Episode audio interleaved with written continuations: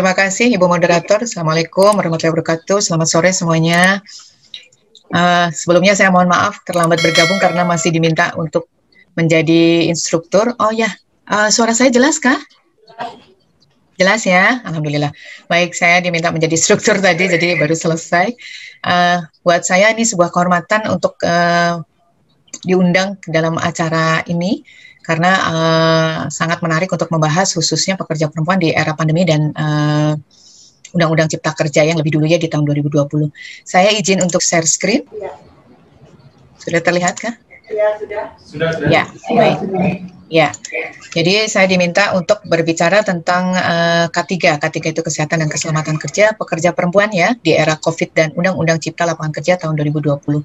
Ini adalah outline-nya. Kita akan berbicara tentang isu ini kemudian dampaknya pada pekerja, kemudian mungkin saya membahas sedikit tentang apa sih yang disebut kesehatan dan keselamatan kerja atau K3-nya, apa yang disebut kedokteran kerja karena agak sedikit berbeda pandangan antara kesehatan kerja dan kedokteran kerja, kemudian pajanan apa yang dialami pekerja khususnya pada pandemi COVID dan uh, Undang-Undang Cipta Kerja ini dan bagaimana manajemen uh, pajanannya.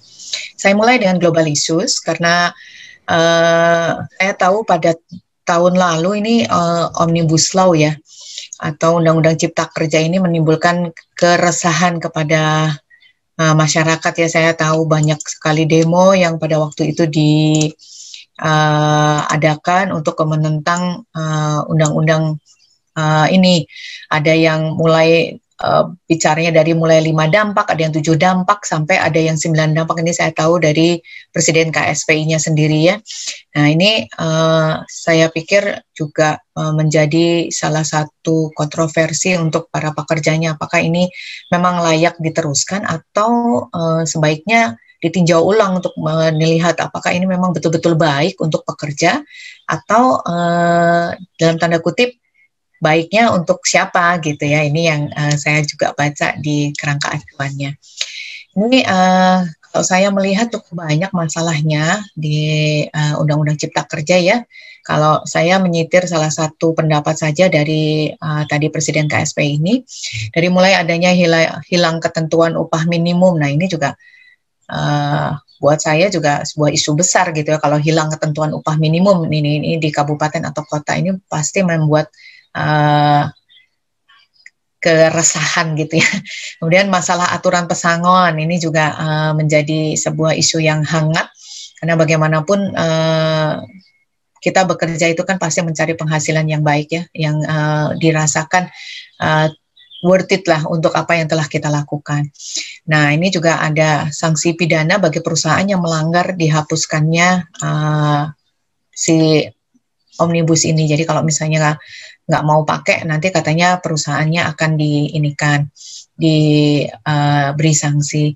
Nah ini juga yang isu seksi salah satunya adalah penggunaan tenaga kerja asing. Nah ini juga hmm, kalau baca di medsos terutama ya eh, tenaga-tenaga kerja tenaga tenaga kerja asing ini sudah sangat banyak memasuki uh, Republik Indonesia dan kita nggak tahu uh, ngapain kok banyak yang datang sementara di tempat kita sendiri juga masih banyak uh, tenaga kerja yang belum mendapat pekerjaan. Ini juga isu yang seksi sekali sehingga PHK yang dipermudah ini akan menjadikan uh, sebuah uh, concern buat kita nih. Kita di PHK apa enggak ya? Kira-kira kalau datang tenaga kerja asing kita bisa di PHK apa enggak gitu? Apa nih uh, kriterianya gitu kita bekerja atau tidak dan uh, hilangnya jaminan sosial bagi buruh uh, khususnya jaminan kesehatan dan jaminan pensiun karena kalau setahu saya ini belum hilang hanya barangkali uh, naik preminya tetap dijalankan gitu ya untuk jaminan kesehatan.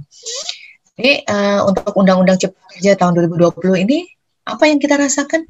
Pasti ada pajanan psikososial. Ini kita, lang kita langsung bicara tentang pajanan. Pajanan itu exposure. Jadi kita mulai berpikir, kita mulai ada merasakan stres. Apa yang akan terjadi pada nasibnya kita ini? Bagaimana yang akan kita lalui gitu dengan adanya undang-undang cipta kerja ini. Nah, kita maju ke pandemi COVID. Pandemi COVID ini dimulai tahun lalu kurang lebih sekitar bulan Februari uh, akhir ya. Terus bulan mulai, mulai bulan Maret akhir kita sudah melakukan uh, eh, PSBB tapi belum ada terapi definitif sampai sekarang. belum ada terapi definitif. Nah, ini yang merepotkan juga kami dari golongan dokter karena uh, usaha untuk menemukan terapi ini masih belum bisa definitif. Artinya terapi yang diberlakukan berhasil pada satu pasien belum tentu berhasil pada pasien yang lain gitu. Nah, ini yang uh, masih kita terus uh, coba sehingga ramuannya ini yang mana nih yang paling cocok nih yang masih masih kita masih kita lihat gitu ya. Nah, mulai muncul upaya vaksinasi. Nah, vaksinasi ini juga sudah mulai hangat dibicarakan sebelumnya karena ternyata banyak kontroversinya sampai sudah dilakukan pun banyak uh, sekali kontroversinya. Mulai dari paling pertama saja uh, tekanan darah, urut-urutan tekanan darah, bagaimana kalau punya penyakit yang lain gitu ya. Kalau bagaimana kalau sebelumnya dia sudah menderita penyakit yang lain, kemudian apakah masih boleh vaksinasi atau tidak? Ini rame nih pada waktu uh, melakukan upaya vaksinasi.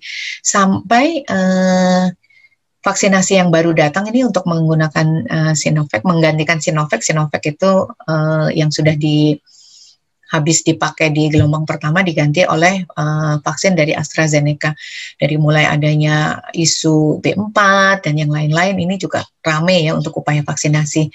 Tapi uh, ini adalah upaya untuk kita menekan kasus baru karena sampai sekarang kasus barunya masih terus adanya, masih terus bermunculan.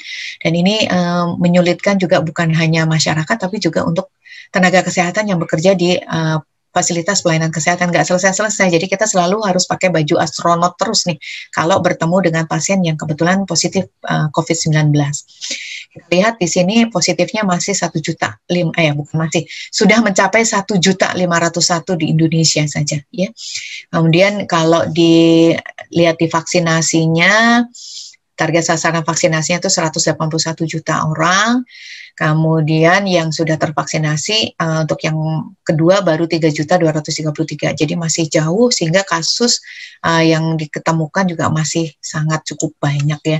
Ini challenging banget karena kita tahu virus COVID itu bandel ya. Jadi dia nggak hmm, mau diem, dia selalu bermutasi. Dan mutasi yang baru ini, varian mutasi yang baru ini sudah juga datang ke Indonesia. Jadi dia bisa uh, bukan saja menyerang saluran nafas, uh, gejalanya yang utama, tetapi juga bisa jadi saluran pencernaan, gitu ya. Saluran pencernaan ini uh, gejala-gejalanya bisa jadi diare yang kita anggap mungkin karena cuaca, karena dingin ternyata eh diperiksa COVID-nya positif. Nah ini yang juga menjadi PR untuk kita. Selain itu vaksinasi juga sekalian saya beritahukan, vaksinasi itu tidak 100% bisa cover uh, bahwa kita tidak akan ter uh, serang oleh uh, COVID ya untuk virus. Jadi masih mungkin kita juga menerima infeksi COVID meskipun kita sudah mengalami sudah menjalani vaksinasi dua kali. Hanya mungkin uh, kalau sudah menjalani vaksinasi maka derajat keparahannya bisa kita uh, lebih tekan. Mungkin uh, mudah-mudahan tidak separah kalau kita tidak mengalami menjalani vaksinasi sama sekali. Karena virus COVID ini sangat nyata uh, hasilnya. Karena teman saya sendiri juga mengalami dan uh, tidak dalam waktu yang lama uh, sudah meninggal sudah tidak ada gitu ya. Nah karena pandemi ini bukan hanya berakibat pada kesehatan, tetapi juga kepada uh, masalah yang lain kepada masalah ekonomi.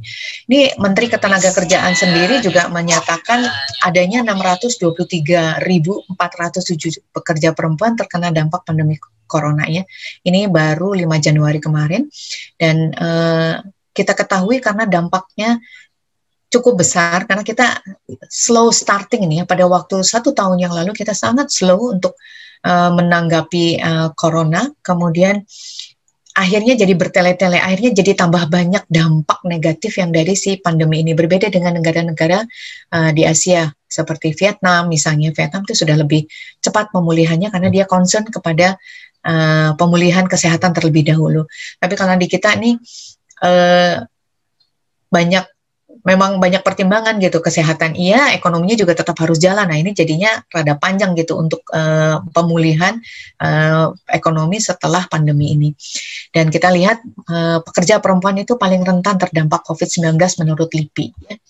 ini uh, menurut Menaker terdampak COVID itu 29,12 juta orang. Dari total penduduk usia kerja ini bukan hanya perempuan tetapi juga uh, pekerja laki-laki. Jadi dampaknya ini cukup besar, jadi 14,28 persen dan ini cukup mengganggu kestabilan uh, ekonomi uh, bukan saja usaha usaha yang oleh masyarakat tapi juga secara global untuk uh, uh, apa namanya itu untuk kestabilan ekonomi negara.